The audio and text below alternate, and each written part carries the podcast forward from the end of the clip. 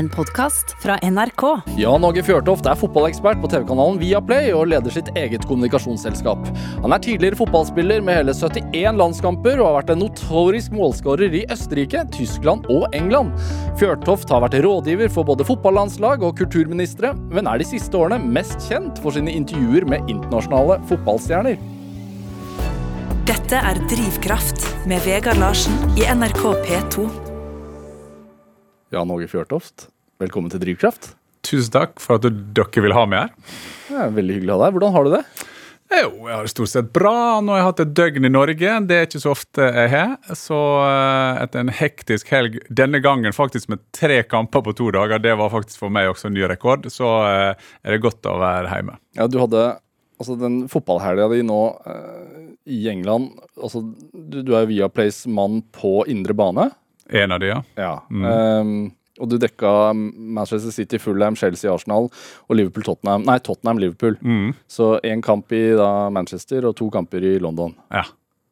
Og veldig, veldig hyggelig eh, biltur fra Manchester etter kampen ned til London sammen med mine kollegaer Tor Ole Skullerud og eh, Vikestaden. Jeg kaller han alltid Karsten, men han heter Kasper, så det var derfor jeg gikk rett på etternavnet. Og så neste dag eh, så hadde på første kampen var var Chelsea-Arsenal. og Så når jeg var ferdig med intervjuene der, så skulle det stå en bil klar. Men det å kjøre i London er jo helt sykt, så jeg ankom stadion 13 minutter før kamp. Så da var det om å gjøre å komme seg og få akkrediteringen. Og så komme inn på stadion. Du vet når, når spillerne og dommerne kommer ut, da er jo alt stengt på indre bane. Så jeg måtte komme, så jeg kom akkurat idet spillerne var på vei ut, så jeg smøg meg over for dem. Hvordan er en Altså, hvordan er en vanlig dag på jobben når, når du er i England og, og skal rapportere? Hva, hva er liksom arbeidsoppgavene? Fordi vi, vi ser deg jo veldig lite, sånn Ja, i det store eh, og til hele. å være eh, på en kamp der du er eh, kanskje to ganger tre minutter på, uh, før kamp, og så er du inne i et minutt i pausen, og så skal du komme med intervjuene etterpå, så er det lite. Men det er ganske likt sånn som jeg gjorde faktisk når jeg forbereder meg til fotballkamper. Uh, Du må være veldig veldig godt forberedt, det er jo viktig, for du vet jo aldri hva du kommer til å prate om. Du vet ikke hvilken retning kampen går. Jeg har noen idé, eller jeg har en idé hvor vi er i redaksjonen når jeg skal inn f.eks. med en Emmanuel Petit, som vi hadde på første kampen på søndag, som en gammel Arsenal-legende, så vet jeg sånn cirka hvor vi er, så da må jeg forholde meg til det. og så, så er jo jeg, Når jeg intervjuer folk, så liker jeg å høre på hva de sier. Så å ha en for uh, tett plan, det syns jeg er litt skummelt, for det kan godt hende at de prater om noe annet, eller svarer noe annet, eller noe som er enda mer interessant enn det jeg hadde forberedt. Så, men jeg er veldig veldig tidlig på kamp, så jeg, jeg, jo, jeg blir jo nesten mobba av mine yngre kollegaer i Viaplay, for jeg er tre, tre og en halv time før på kamp. Også Eh, på stadion? på stadion, ja. Oi, hva i all verden gjør du da? Nei, da er jeg sammen med andre som eh, ønsker å gjøre jobben sin best mulig. Det er mange av de som har vært i systemet i mange år. Da er du der, du prater med folk, du, du forstår stadion, du ser er det annerledes. Floor manager, som det heter, det er de som har ansvaret for de på indre bane, diskuterer du litt med de. Og så tror jeg da at eh, de bedre forberedte jeg er på eventualiteter, da. De større er sjansene for, eh, for det. Når da Champions League-finalen var i Kiev for noen år siden, da var jeg på stadion seks timer før. Det er rekorden min, men det var grunnet at eh, jeg var, jeg litt, jeg var litt skepsis til logistikken rundt kampen. Og, og da er du best mulig forberedt på at ting ikke skjer som eh, andre mener at det er en kjøreplan på. For det er svært sjelden at jeg hadde kjøreplan i og rundt en kamp, eller i og, vi kan dra det til liv, og alle jobber egentlig. Det er ikke alltid det skjer. Men hvor Altså, snapper du opp da uh, Hva skal man si? Smalltalk som du kan ta med deg inn i intervjusettingene? Ja, sånn? det kan det være, men så er det svært mange uh, som har samme jobben som meg, som er for andre eh, kanaler som du møter. Det kan være uh, i, uh, i vårt yrke, i journalistyrket, så er jo introer og utroer veldig viktig. Så det kan da være de småtteriene. Det kan være f.eks. du er på, på Emirates, og så er du på vei Altså Arsenal sin hjemmebane. Ja, det er Arsenal sin hjemmebane. Så er du på veien der, så går du på en far som er der med han som skal være kveldens maskot. Og så spør, du han hva er favorittspilleren din, og så sier han det er Martin Ødegaard, så, som er kaptein, nordmann. ikke sant? Og Da kan du prate det, og jeg prater med maskoten på vei inn her, og bla, bla. Så, san, sanne småtteri kan du plukke opp, og så plukker du opp nyheter. og og så, eh, selv om du er veldig godt forberedt, så liker jeg å ha det på en A4-side. eh, Altså med den brede penselen, og så kan vi legge på da etter hvert hvem, eh, hva ja, hva både hører og ser og forstår. Ja. Liker du fremdeles Altså, du, du har jo vært på fotballstadioner hele livet. Er det, er det noe i det også? At du liker atmosfæren, at du liker å være der, at du føler deg hjemme på en fotballstadion? Ah, ja, du vet at det, Problemet mitt er jo det at jeg, jeg har jo fått lov å vært på fotballstadion eh, på en helt annen måte enn jeg er nå.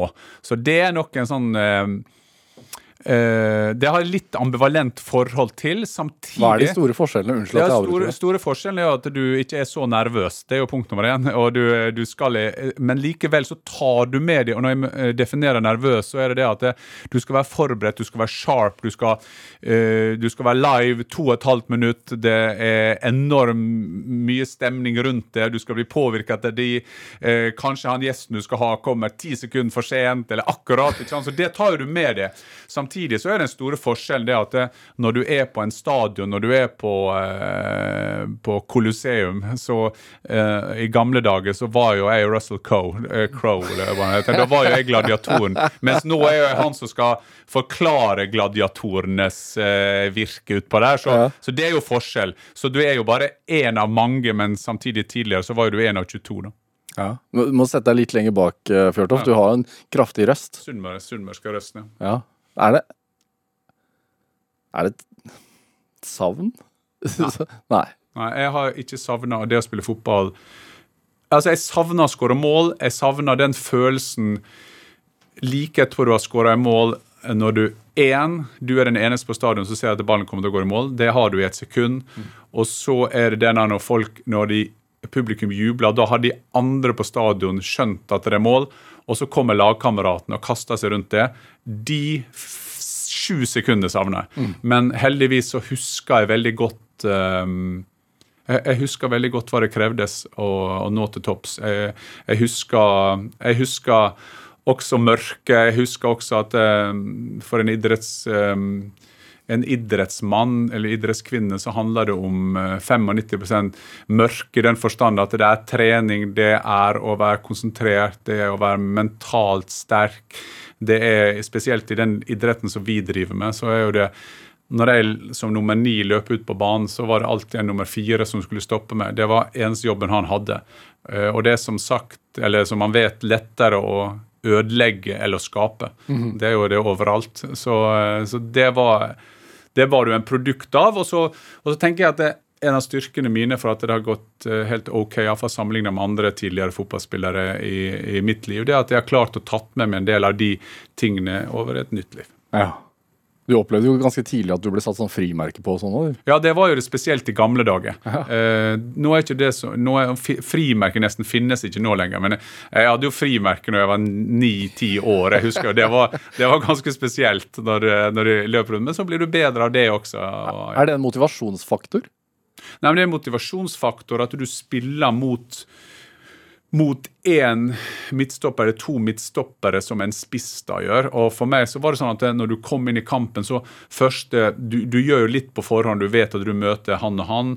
Eh, Men samtidig, i kampen så leter du da etter svakheter i, eh, i forsvarsverket. Du leter etter Du ser han midtstoppen. Oi, han ligger litt lenger ned, han er lett for å bli skada, han er sytete. Oi, han trekker innover. Så ofte så bruker du første 10-15 minuttene til å bare gå rundt og analysere situasjonen. Som, som et rovdyr som ser hvilken antilope som er svakest. Ja, en slags menneskekunnskap. Klarer man å ta med seg den videre?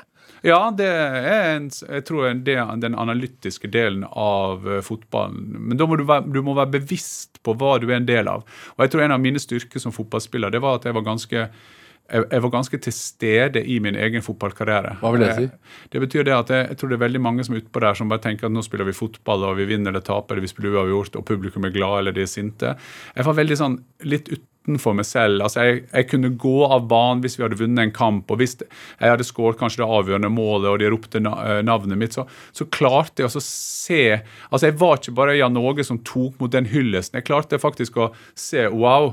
Her er det en fra Gursken som får lov å oppleve et fullsatt Ullevål. Og så klarte jeg å se rundt at folk var glade. Altså Den type ting var Det tror jeg var en styrke som du tar med deg videre, for da vet du at du er med, med noe mer. så Du identifiserer ikke det bare som fotballspiller, du identifiserer det som et menneske som er fotballspiller, hvis det makes sense.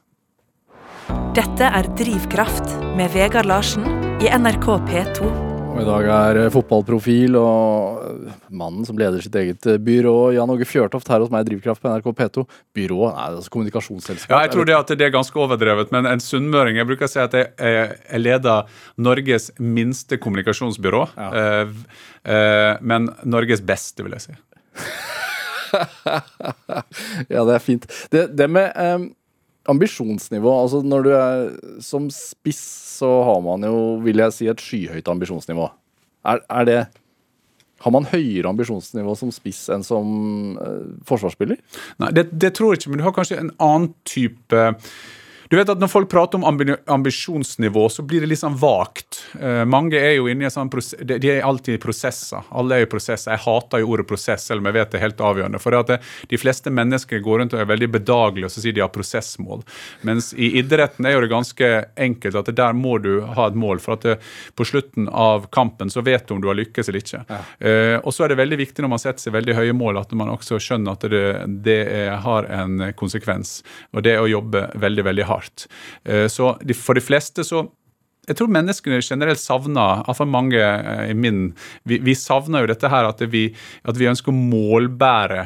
Eh, hvis vi har et høy ambisjon, ja, men hvordan blir det målbart? ikke sant? Mm. Og det er kanskje spissen Hvis du sammenligner han med en forsvarsspiller, så kan du si at en forsvarsspiller omgjør at du holder en clean sheet, at du skal ikke slippe inn mål. Men for en spiss, så du kan være så god du vil, men hvis ikke du skårer mål, da er ikke du god nok. Så hvis at du spiller åtte kamper, og du vinner alle de kampene ikke du har skåret, så, så er ikke det helt topp for en, for en spiss. Og det, det preger nok noen, og det passer Enten så passer den rollen til min personlighet, eller så passer min personlighet til din rolle. Det, er den rollen. Så det, det er nok eh, eh, noe som man reflekterer over. Jeg husker Da jeg var teammanager for landslaget, så kom en spiller bort til meg og så sa han at jeg sliter med å skåre mål. Eh, og så sa jeg det at jeg, og så sa han ja, men Jan Åge, kan du gi meg et råd på det? Og Så sa jeg ja, for å være helt ærlig, da, sier jeg, så hvis du har tapt 3-2, og du har skåret to mål, så er du selvsagt like deppa som alle de andre for at vi har tapt kampen. For det er derfor vi er der. Men det er lov når du kommer hjem å være litt glad for at du har skåret de to målene. Og så sier han det hadde jeg aldri klart. Nei, og det er svaret på det du eh, spør meg om. Fordi at en, en goalgetter må være veldig også fokusert på det å skåre mål. Ellers så er ikke du en goalgetter. Hva er det i din personlighet som gjør at du passet deg der, tror du? Nei, jeg tror det at det ganske tidlig så var, eh, så var en kombinasjon det at jeg er en individualist, samtidig som jeg er en individualist som elsker å være i lag med noen. Eh, det tror jeg passer veldig godt. Altså, jeg, jeg er veldig imponert over en Karsten Warholm. Nå har jo, er jo han også en del av et lag med, med Leif og alle de han har rundt seg. Samtidig så, så det der laget, du gleder deg sammen med laget, du trøster sammen med laget. Så jeg, jeg elsker å jobbe i lag samtidig som en er en individualist. Men som gamle Nils Arne Eggen sa, at eh, eh, gode individer skaper gode lag. Eh, og så sier han pass på eh, rekkefølgen. fordi at det, det er ikke bare sånn at det, mange mennesker sammen, så blir vi gode. Gode team, uansett hvor du er i samfunnet, er basert på gode individ som sammen kan skape et lag. Og Det, det tror jeg passer veldig godt til. For det, det var en del av eh, min oppvekst. Jeg er veldig familiekjær, slektskjær. Eh, Bygda mi Gursken betyr mye for meg. Samtidig som jeg er individualist som digger å være i New York. Men det med motivasjon og sånn, altså da du uh, var trener i Lillestrøm f.eks., så hentet du inn Gunnar Sønstebø Gunn Sønsteby, ja. for. For, for, Ja. Sønsteby for at han skulle motivere spillerne. Mm. Ja, Å motivere og inspirere, det syns jeg går litt eh, hånd i hånd. Så når vi var der eh, oppe, jeg var, jeg var manager, og da vil jeg, vil, jeg blir veldig inspirert av mennesker som kan gi, eh, gi deg noe viten på hvilken vei de har tatt. da. Og det kan være uh, Uber-sjåføren min på, uh, på søndag. Det. Uh, det kan være hvem som helst. men jeg er helt sikker på at en krigsveteran kunne hjelpe oss med det, og det gjorde han så absolutt. Hvordan da? Nei, På den måten at han var veldig sånn tydelig på oppgaver. Det var ganske sånn overførbart. Det at nå, nå, var det litt større konsekvenser for Kjakan uh, hvis han tapte en kamp, uh, for da tapte han livet. Uh, vi vi tapte en fotballkamp og kunne komme sterkere tilbake etterpå. Men den der sharpnessen han hadde på konsekvensene av mangel på forberedelse, den var ganske ekstrem. Og Kjakan var jo kjent for å være den av den gjengen som var forberedt på absolutt alt. Og det var veldig fascinerende å få med seg. Er det derfor også du møter opp mange timer før en kamp, selv om du skal være på lufta ganske kort, fordi at du vil være forberedt på eventuelle ja, eh, og det, det, det, er et uttrykk innen fotballen som heter Eller kan godt nå begynner jeg sånn som Eggen å sitere meg selv. Men, eh, men, men, jeg sier at det er den som skal bli best, må trene mest. Men som, det er ikke sikkert at du blir best selv om du trener mest. Og det er også sånn på alt andre vi gjør her i livet. Du må være godt forberedt. Og jeg tror at det er en av grunnene til at det mange idrettsutøvere sliter litt etter karrieren sin, det er at de glemmer hvorfor de var gode til det de var gode i. Det var for at de trente mest. Uh, og i, den, i, de rollene jeg har nå, etter at jeg ble pensjonist når jeg ble 35, ja. så er det å være best mulig forberedt. Alle eventualiteter må tenkes gjennom. Og selv om det er bare én sjanse for at det, det kan skje, så skal jeg være godt forberedt på det. Ja. Målet som fotballspiller som spiss jo, jo, for deg var jo å skåre mål og at laget skulle vinne. Hva er målet nå? Målet mitt nå det er å være best mulig i det jeg driver med. Uh, best mulig, Det er noe som heter at du skal utvikle ditt potensial. Jeg skal være så best mulig Jan Norge i den rollen som jeg er. Ja, For, for, for du er individualist også? Ja, samtidig så er jo Men det, det er jo verd, det beste et lag kan ha, er jo å ha egoist i laget. For en egoist, for at en egoist i laget vil jo skjønne det at det skal han skinne, skal han være god til det han driver med, så må jo de andre være gode. Så hvis at du og jeg skal gjennomføre en god time her på P2, mm. så hjelper ikke at jeg er god hvis du er ræva, for å si det på godt norsk. Hvordan syns du det går? Jeg syns det går OK bra nå. Nei, men, men, men, poenget mitt er at vi må gjøre hverandre vi må gjøre hverandre gode. Og ikke? Og Derfor krever jeg også at de som er rundt meg. Eh, er best mulig forberedt. Eh, og det, og det er jo kravene vi stiller til hverandre i et lag, og derfor jeg elsker også å være i et lag. For denne, de komplementerer ferdighetene og den samhandlingen. Det gjelder også for individualister. Eh, og så klarer ikke jeg å gjøre noe uten at jeg må, må prøve å bli best mulig i den rollen. Ja. Det er noen som syns det er helt greit med å være midt på tre. Jeg syns ikke det er noe spesielt å være midt på tre. Det er jo du, du, har jo fått uh, en eh, egen signatur allerede. Altså, du, du har markert deg uh, på, på sida der.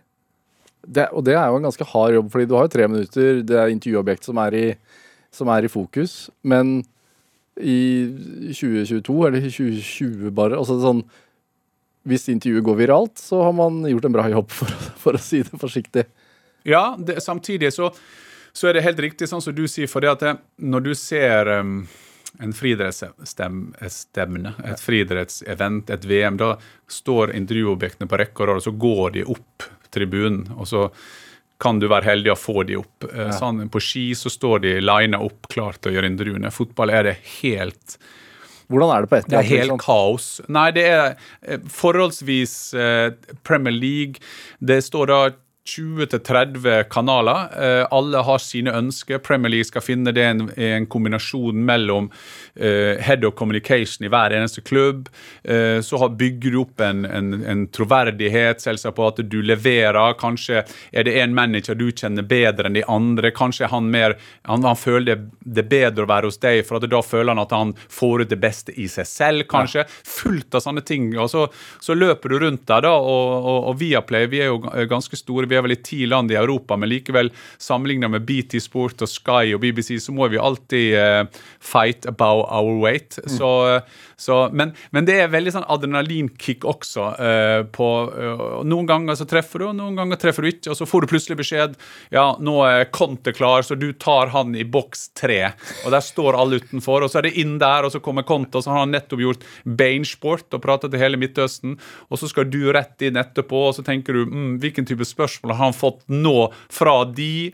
Kommer jeg til å spørre om akkurat det samme, og så skal du prøve å gjøre det interessant. Så, eh, men det, det er litt du spurte om i stad, hva du har tatt med deg. Jeg tenker Det er litt av det jeg har tatt med meg fra, fra fotballen også, som, som spiss og som fotballspiller og som idrettsutøver. Så må du være god akkurat der og da. Ja. Eh, og det er, en, eh, det er en av de viktigste egenskapene idrettsfolk kan ta med seg, tenker jeg. Ja, hvordan for Jeg tenker jo altså du sikkert blir trigga av at det er 20 andre som vil uh, gjøre det best der og da.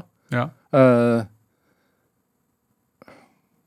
sånn som når Klopp begynner å synge, f.eks. Altså treneren til Liverpool begynner å synge, og du merker at Hva tenker du da, liksom? Sånn Ja, da tenker jeg det, eh, For det første så er det det når de 20 forskjellige kanalene, alt fra Vietnam til Norge, står og vil ha Premier League-profilene, så er det også et lagarbeid. fordi at det, du er nødt til å eh, du måtte deale og hvile. Sånn som nå når Klopp kom på på søndag så, så ville jo jeg ha han tidligst mulig, sånn at vi fikk han inn i sendinga hjem så tidlig som mulig. For det vil jo min produsent som jeg, tekster med hele tiden ha, naturligvis.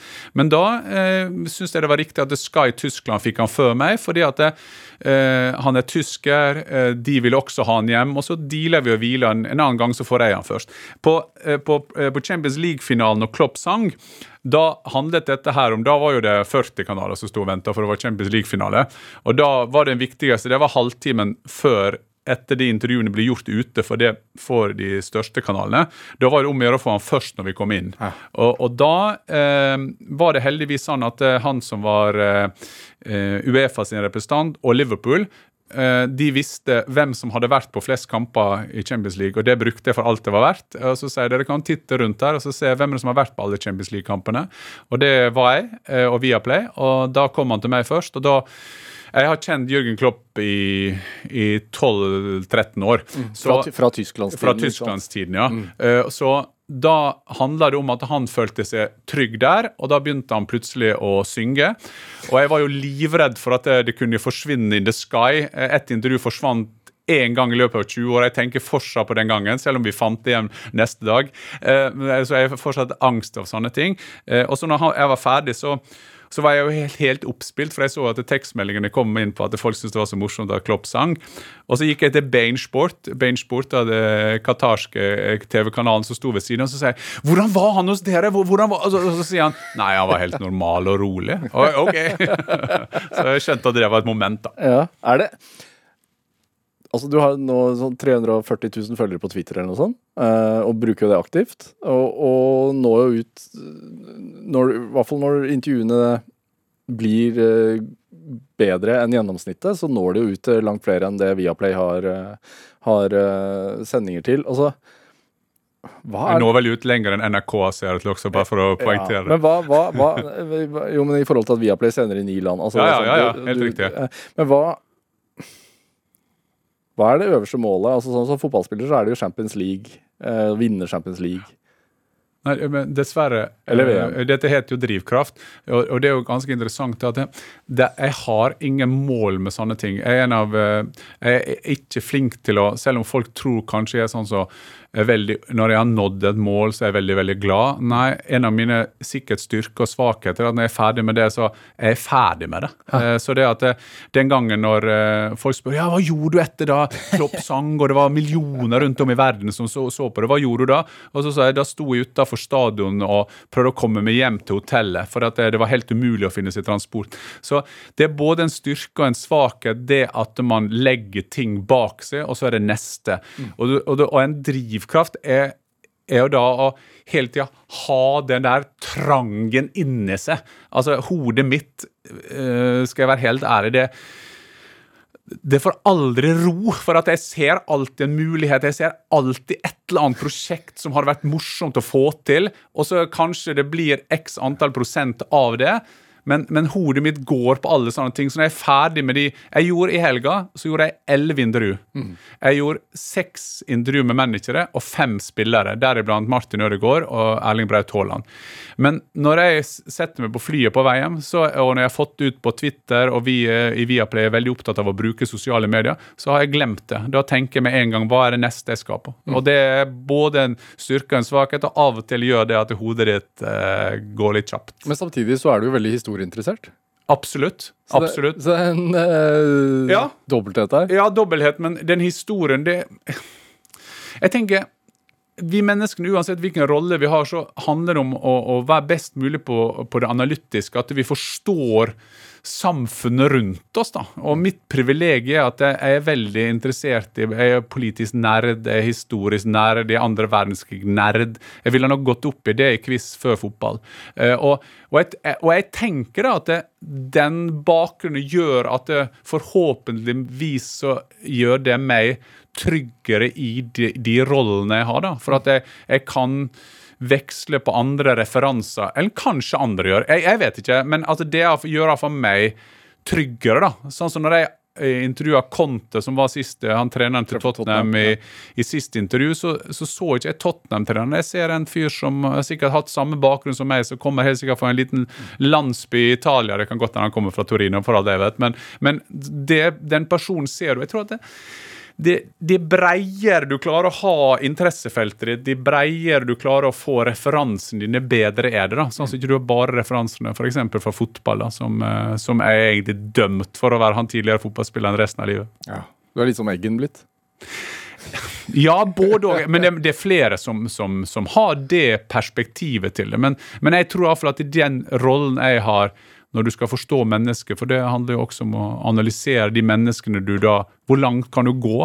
Hvor langt kan du gå? Jeg, jeg syns det er litt morsomt Conte, for han er, han, er veldig, han er, veldig, ærlig i måten han prater på. Og så tenker jeg, hvor langt kan jeg dra han før, eh, før jeg har gått for langt? Da? Ja, har du gått for langt? Ja, det har jeg helt sikkert mange ganger. har, de, har, uh, har du merket at hierarkiet til norske fotballreportere og deg selv har liksom, at du har steget i hierarkiet etter Ødegaard og Braut Haaland nå? Nei, det har ingenting med det å gjøre. Absolutt ikke. Så det har eh, Så tilgang... i, i Nei, men det har ikke noe med tilgang å gjøre. For dette er også eh, til alle som driver med sportsreportasje, skal ta seg en tur og gjøre Premier League og Champions League, så skjønner man det at uh, det har ingenting med, med, det å gjøre. Tilgang handler om mileage. Det er hvor mye du er til stede, hvor ofte er du der, og hvor troverdig du, du bygger opp din rolle. Det kan verken en Erling Braut Haaland eller Martin Ødegaard dessverre hjelpe deg med. Ja. Er det er du journalist der, på siden? Ah, jeg vet ikke. Jeg, skal, jeg har jo ingen journalistisk utdanning, men jeg har jo vel en av de som kanskje har vært mest borti journalister i et, i et, helt liv. Men du må i hvert fall tenke Jeg, er ikke så opptatt av å sette betegnelsen på meg, men du må, du må i hvert fall tenke veldig journalistisk. Og jeg bruker veldig tid på å på å tenke journalistisk, eh, og ikke minst tenke på det at det, den som sitter, hvem er det som sitter og ser på? Eh, hvem er det jeg prater til? Eh, svært viktig del av det jeg gjør. Det handler vel kanskje, det er en kombinasjon av journalisme, kommunikasjonsstrategi, kommunikasjonskanal osv. Mm. Er det Hvordan er forskjellen nå fra den gang du var i England? Altså spiller? Ja, Det er organiseringa av det. Jeg kom som spiller til England i år to av Premier League. Eh, så jeg, I de seks årene jeg var i England, så hadde jeg én fot i gamle engelsk fotball og én i nye. Så jeg så jo utviklingen, hvordan den skjedde rundt oss, både med kommersialisering og media. Det var jo ingen Etter kamp, så hvis det sto en journalist der, så prata du med han. Hvis det var noen som ville ha noe ute, det var kanskje BBC eller local BBC, og etter hvert da Sky, selvsagt, som, var, som hadde det én eller to intervju, men det er jo, nå er jo det ganger tusen. Måten er organisert, og ikke minst det, den globale interessen for Premier League Eh, og gjennom det mine kollegaer er som sagt fra Vietnam, eller de er fra Australia, de er fra USA, som, eller de er fra eh, afrikanske sendere, som, og Midtøsten ikke minst, som, som, er, som er, rundt meg. Så det, det, er en helt annen verden. Ja. Er det Hvordan vil du beskrive den utviklingen, egentlig? Fra, fra den gang til nå? Er det en positiv utvikling, eller er det en ja, hvor langt det er tau. Altså, det er jo helt umulig å svare på om det er en positiv, for det er jo eh, om å gjøre å tenke på utviklingen fra hvor du er. Ja. Når jeg kom til England i år to, så var jeg på Sky Sport og prata om hvordan det var å være en utlending i, i engelsk fotball. Nå er det nesten motsatt, hvordan det er å være engelsk. Eh, nå har du utenlandske eiere, du har, du har utenlandske trenere, du har utenlandske spillere. Så det blir jo en en, en, annen type liga. Mm. Det er jo en helt annen globalisering, men det er vel Det er jo, kan du si, en, et speilbilde av globaliseringa i verden på speed, mm. eh, vil jeg si. Fordi at eh, På godt og vondt. da, Du har jo du, du, har jo den møteplassen som du har i, i engelsk fotball. Eh, faresignalene er jo med kommersialiseringa hvis det kommer veldig mye, i, i, nei, mye penger inn i fotballen, og det blir fordelt det vi mennesker vil oppleve som som rettferdig i fotballpyramiden nedover i klubbene, så er det positivt. Mm. Hvis det forsvinner alt til, eh, til, spillerne, alt til trenerne, alt til agentene, så er jo ikke det en positiv utvikling. Nei, Og alltid de største klubbene.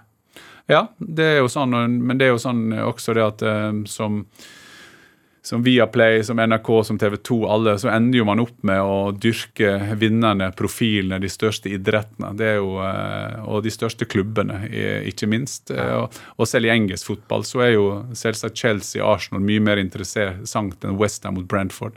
Det er selv blant de beste, da, og de beste ligaen. Ja, og nå også Newcastle. Ja, Newcastle også kommer jo eh, oppover nå. Så, og da blir det hele tida diskutert hvordan skal man diskutere eierstrukturen inn i dette her eh, i, i, de klubbene. Hvordan skal man skille mellom sport og det. Samme som eh, den store utfordringa for, eh, for, de nå som skal vise Qatar-VM. I hvilken grad eh, Hva er sport, og hva er alt det andre, og ja. hvem sin skyld er det, osv. Tenker du at altså hvor stor er din oppgave å snakke om sportsvasking og det greiene her, tenker du?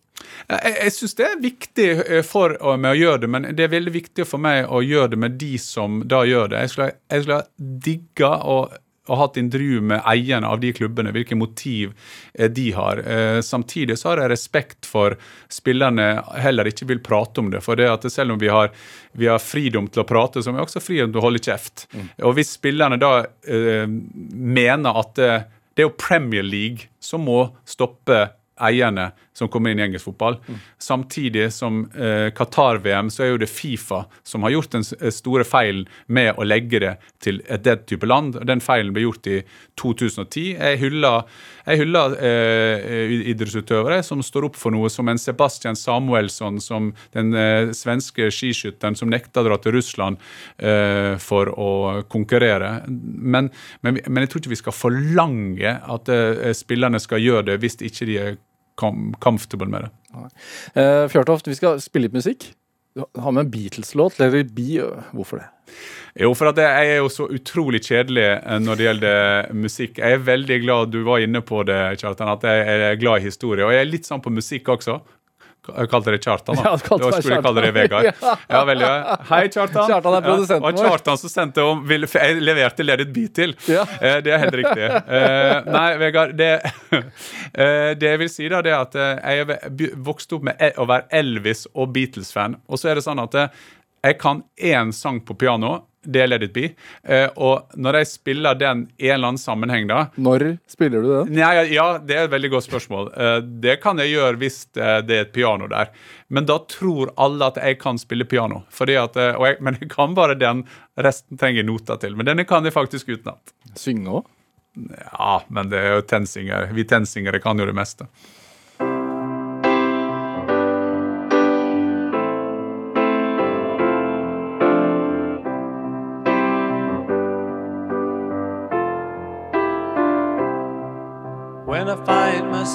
In times of trouble, Mother Mary comes to me, speaking words of wisdom, let it be. And in my hour of darkness, she is standing right in front of me, speaking words of wisdom, let it be. Let it be,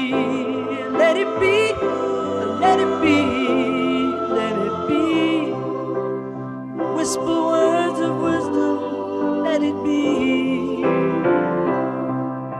And when the broken hearted people living in the world agree, there will be an answer, let it be.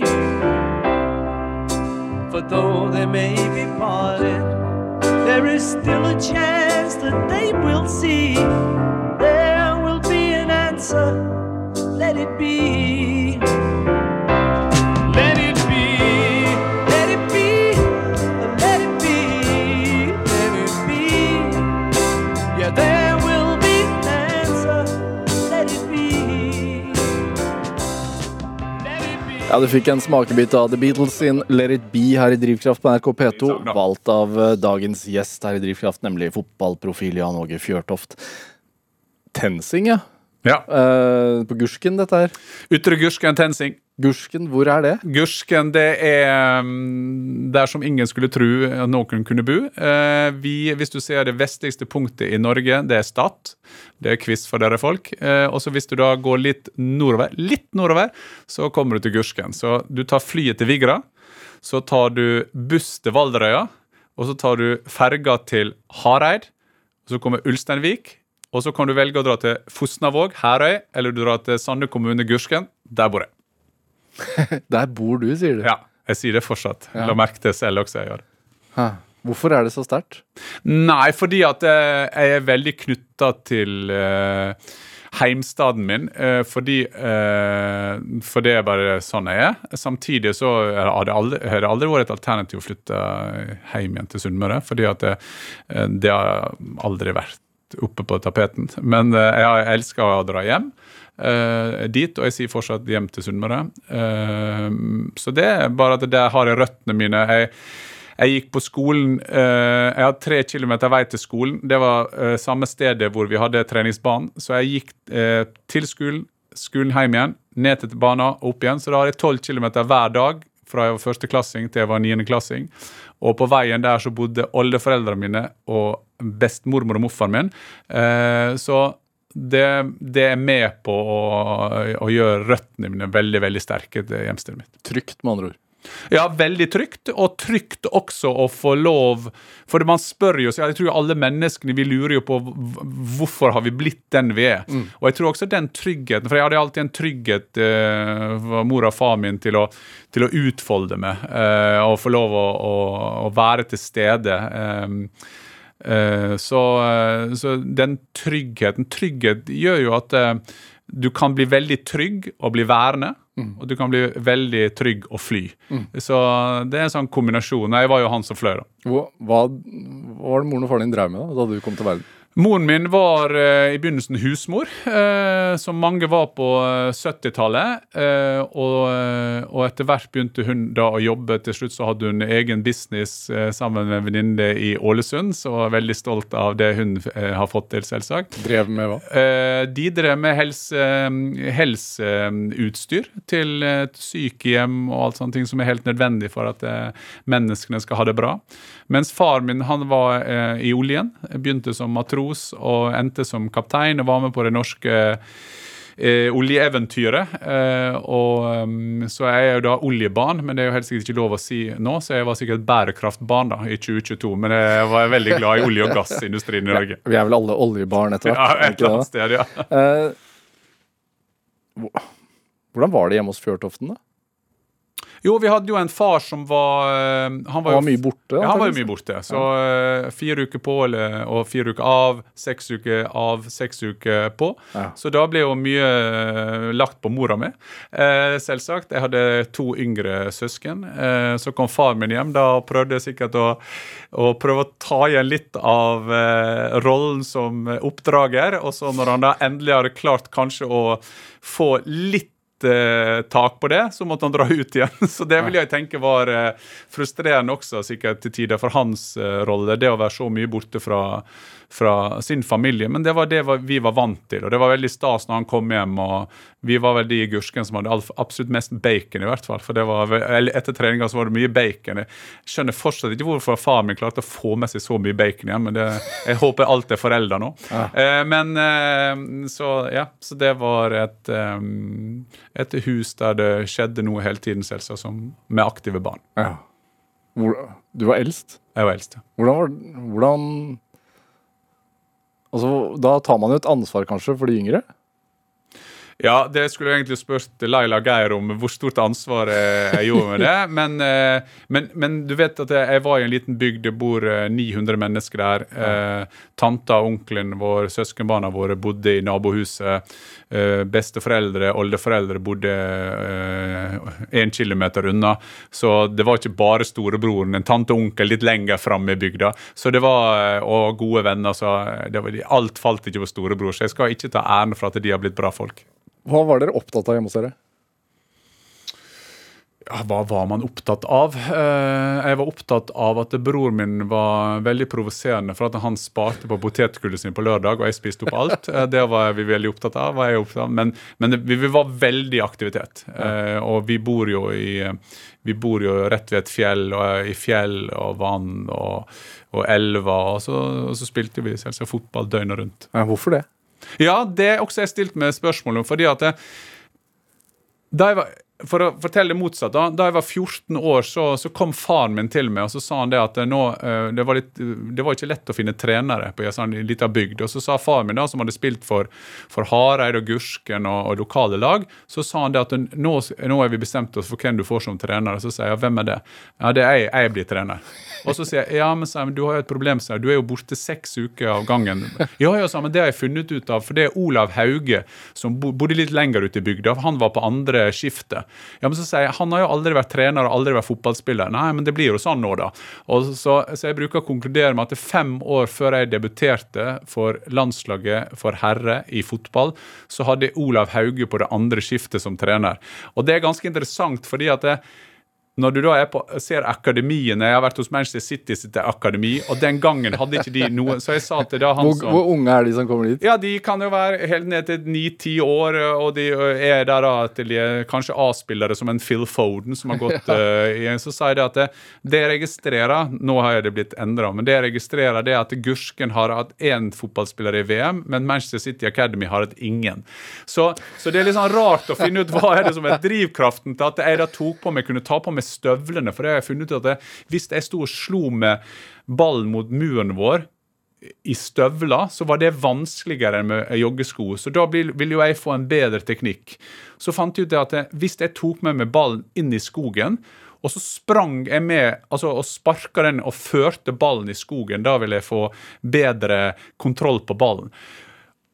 Og når dette programmet heter Drivkraft, så tenker jeg alltid hvor, hvor- er det det kommer fra? Jeg, altså, jeg, jeg, jeg, forstår, jeg, forstår det egentlig ikke. Kanskje jeg var heldig at, driv, at det, det, kanskje det er en sånn iboende drivkraft i oss alle. Så hvis du trykker på det Og jeg var jo veldig interessert i fotball, så på TV, og alle, men det var jo Det så var ikke så mye på fotball og TV da? Nei, det var jo tippekampen, ikke sant? Ja, Eh, og så var det Sportsrevyen som kanskje av og til viste nok eh, et minutt på helt på slutten av sendingen.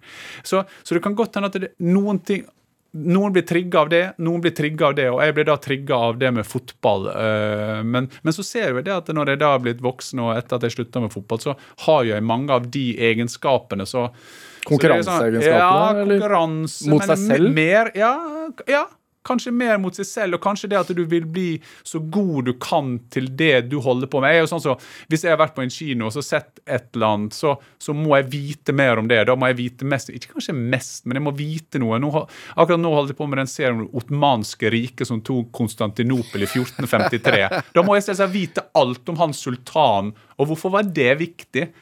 Hvorfor vet jeg så lite Hvorfor vet jeg så mye om det romerske riket og jeg vet så lite om det ottomanske, som, som spiller en stor rolle for Erdogan i dag og Tyrkia og den politiske sammenhengene nå? For, det, for skjønner vi historien vår, så er det også mye lettere uh, å forstå historien nå, og gjøre en bekymra Når vi prater i dag, så er det mellomvalg i USA, og nå ser du tendenser til det som skjer i USA, som skjedde i mellomkrigstiden i Tyskland. Og det da vil jeg si av og til så er det kanskje lettere å vite mindre. For at det sanne ting bekymrer en. Ja. meg. Morsommere å være dum. Nei, det, ja, det kan godt hende det, det er morsommere. Det har jeg aldri prøvd. Men, eh, men, men skulle jeg si litt flåsete. Men, men, men det er iallfall morsomt. Av og til så No brain, no headache er det vel et uttrykk som heter. ja, det er, eh, det, er ikke, det er ikke ditt. Nei, det blir håpet ikke mitt.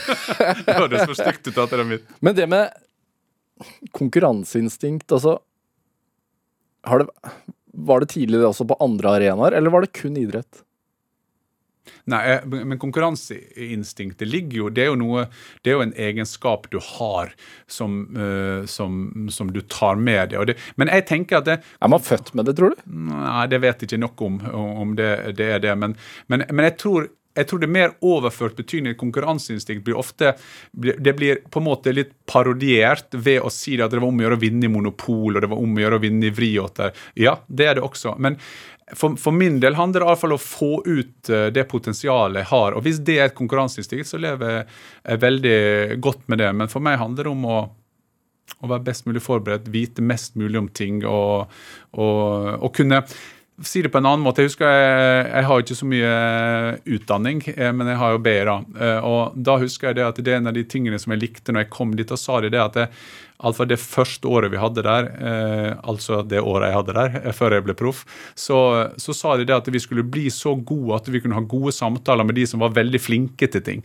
Og det liker jeg. Mm. Det er en sånn inngang. sånn at Hvis jeg da møter en sanger eller jeg møter en politiker, så skal jeg være så god at jeg skal kunne klare å eh, pick his or hers brain på det de er gode til. Og Det tror jeg er et ganske sånn bra utgangspunkt til Derfor er det jo ingenting som er mer eh, inspirerende å møte folk som er veldig veldig flinke til noe. Ja, En god egenskap kanskje hvis du skulle være rådgiver også, sånn som du har vært noen ganger for politikere og sånn?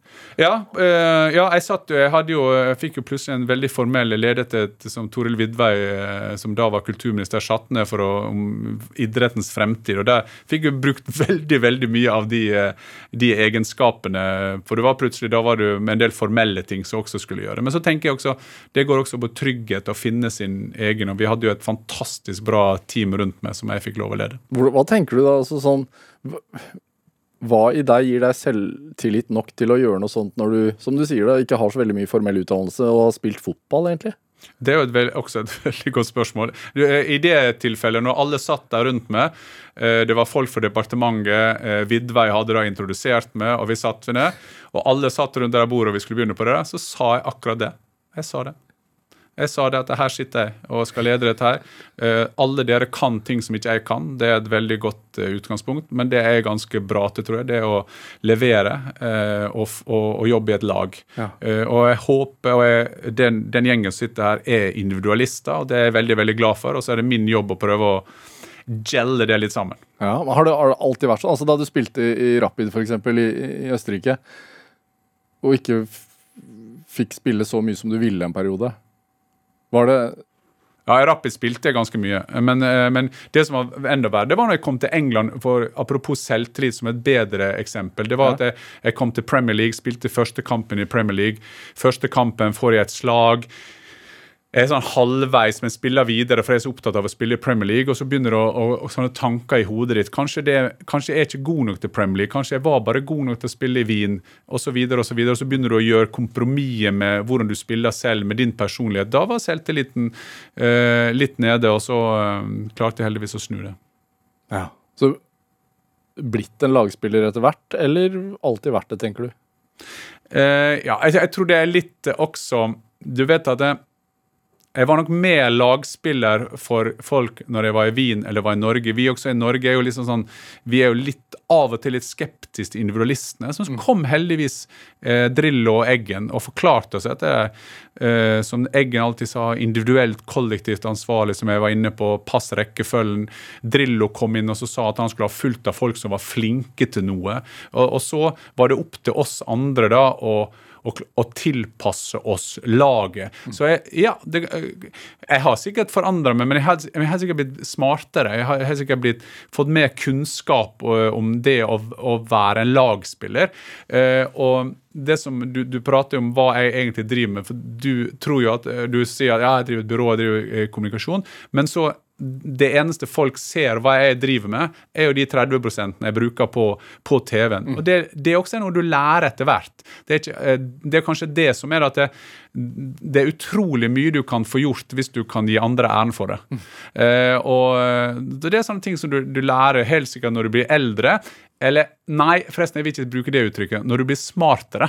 Fordi at det er noen som tror du blir smartere bare med å bli eldre. Det er feil. Du blir smartere ved å tilegne deg kunnskap. Det er en stor forskjell. Mm. Er det også generelt, altså Hvis man tar en sammenligning med fotballspillere, er det de beste fotballspillerne er de også de som gjør andre bedre? Det er jo dessverre sånn altså Det er jo et eksempel. Nå fikk Steven Gerrard sparken i Aston Villa. Mm. Det er jo faktisk nesten motsatt, hvis jeg kan dra litt ut det du sier der. For det at det, Klopp, sir Alex Ferguson, Benitez, Tuchel, Mourinho, via Boas var jo bare midt på treet fotballspillere, gjennomsnittlige spillere. Det er jo kanskje noen av verdens beste trenere. Så er jo via Boas ikke hadde så stor suksess. Så, så det, det er ikke alltid det at de gode fotballspillerne er det som, som er nok. Du kan være i et lag et helt liv. Det er jo faktisk personer som jeg observerer i det offentlige rom, både i Norge og i utlandet. Så du tenker på at eh, de har fått inspirasjon fra verdens beste i sitt fag, og så skjønner de så lite. Men det, den følelsen har jeg også både med politikere og næringslivstopper, så det, så det er ikke noe med eh, fotballen generelt. Du, det med, det med politikk, også, som du øh, har vært innom som rådgiver, og idrett, hva tenker du om den miksen? Nei, jeg tenker mer miksen i, i mitt dagligliv handler det mer om næringsliv og politikk. fordi at det, næringslivsfolk de vil alltid tenke at politikerne skjønner ingenting av næringslivet. Og politikerne er så eh, overraska for at næringslivet ikke skjønner noe av politikk. Eh, det som er med idretten, eh, når, hvis du skal legge det inn i miksen, er at idretten er jo så herlig. Fordi at du kan bare gå rundt og plapre så mye du vil. For hvis at du løper på 45,94, som Karsten Warholm gjorde, så er han bedre, selv om han på andreplasser har vært 45,95. Eh, mens i politikken så er jo det noe helt annet. Der, er det, der skal du eie en sannhet. Eh, en sannhet som Hvem er det som skal definere den? Du skal eie de som definerer sannheten, osv. Sånn sett er det nesten enda bedre å være i næringslivet, for der, er jo det, der kan du lykkes med å skape. Men jeg er jo veldig opptatt Min interesse for, eh, for, eh, for politikk handler jo også eh, om det at jeg kom, der jeg kommer fra. Jeg har vært, året, nå har jeg det neste uke, noe som heter Gursken-konferansen, som handler om det at eh, vi skal høyne verdien og statusen til de som skaper arbeidsplassene. Så jeg syns denne debatten vi har i Norge nå, at det, denne her ta de rike sånn, Jeg liker ikke utgangspunktet på det. Må gjerne skattlegge så mye man vil, det er politikernes privilegium. Men for meg handler det om at det, skal vi ha jobber rundt om, skal vi ha jobber på Sunnmøre, så er det veldig viktig at de to verkstedene i Ulsteinvik går bra. Det er viktig at rederne i Sande kommune og i Herøy kommune gjør det bra, for da har folk jobb. Så det, synes, det er egentlig mitt eh, engasjement inn i den måten å tenke på. Inn i politikken etter hvert? Nei. Absolutt ikke. Nei, nei, nei, nei. Jeg trives veldig godt med det jeg driver med. Det var noen som sa det at jeg er altfor glad i makt til å bli politiker, og det tror jeg jeg skal følge også. Som, eh, Er du, er du glad i makt? Jeg tror de fleste menneskene som jobber i, i, med det vi gjør, når du er mye sammen med maktpersoner, så syns du det er gøy å ha makt. Ja. Altså, men gøy å ha makt på den måten eh, Når du blir smartere, da, så er det at å få ting gjort. Og det spiller ingen rolle der du kanskje tidlig i min karriere så var det veldig viktig å være han som Det var jo litt av den rollen jeg hadde som nummer ni på, på lagene også. Så var, det, var du viktig mann i å avgjøre kampene. Og, men eh, det vi lærer fra krigshistorien, det er ikke alltid det, vær- det smarteste å være fremst med flagget, for du blir jo ofte skutt tidlig. Du har jo en sånn entreprenørhistorikk også. Du var tidlig ute med å starte eh, avholdsdisko. Ja, Med, Ja, ja, men vi skal ikke begynne med Jeg tror vi skal begynne først med alkoholen, sånn at ikke folk hører at jeg er så snill. For ja, jeg drev diskotek på Hamar da jeg var 19 år. Det er helt korrekt. avholdsdisko med skjenkebevilgning Ja. og wet T-shirt-konkurranser. Og gjørmebryting. Ja. Altså, jeg må legge til gjørmebryting også. Så jeg er et veldig produkt av 80-tallet. Det er helt klart. Så for å si det sånn, Der jeg mangler i vekttall, det mangler jeg i bekymringer for når regningene kom etter de ti månedene som eh, diskoeier på Hamar. Ja, men det, du skriver jo om dette her i, i, i selvbiografien din, eh, hvor du også konstaterer at du skal være ærlig. Hvorfor er ærlighet viktig? Jo, fordi at det er så mange mennesker som, eh, som uh, har denne fasaden. Uh, og igjen, et, et godt uttrykk som ikke jeg vet hvem som eier, men det var noen som sa det at det er bedre å bli hata for den du er, eller å bli elsket for noe du ikke er. Og jeg tror det at det, hvis man tenker litt på den, så tror jeg det er ganske viktig at du, du det, Ikke overfor andre, at du er en show-off overfor andre. Jeg tror det er viktig å se hvordan du er en show-off overfor deg. Eh, at det, og De mer referanser du har i livet, så handler det om hvordan i, i hvilken, hvor, hvordan har du det med deg selv. Og vi ser jo, eh, Du har hatt sikkert mange av de gjestene, og vi har jo mye offentlige folk rundt oss som, som spiller en rolle, som har en maske. Eh, og Det kan de prøve å lure oss, de kan lure det offentlige, de kan lure media, men de lurer ikke seg selv. Så, eh, så det mener jeg med ærlighet. Du må i hvert fall klare å være ærlig overfor deg selv. Og jeg hadde helt sikkert en periode sånn som alle andre mennesker, at jeg var veldig opptatt av å være meg selv. Men så hadde jeg ikke tatt meg tid til å finne ut hvem jeg var egentlig.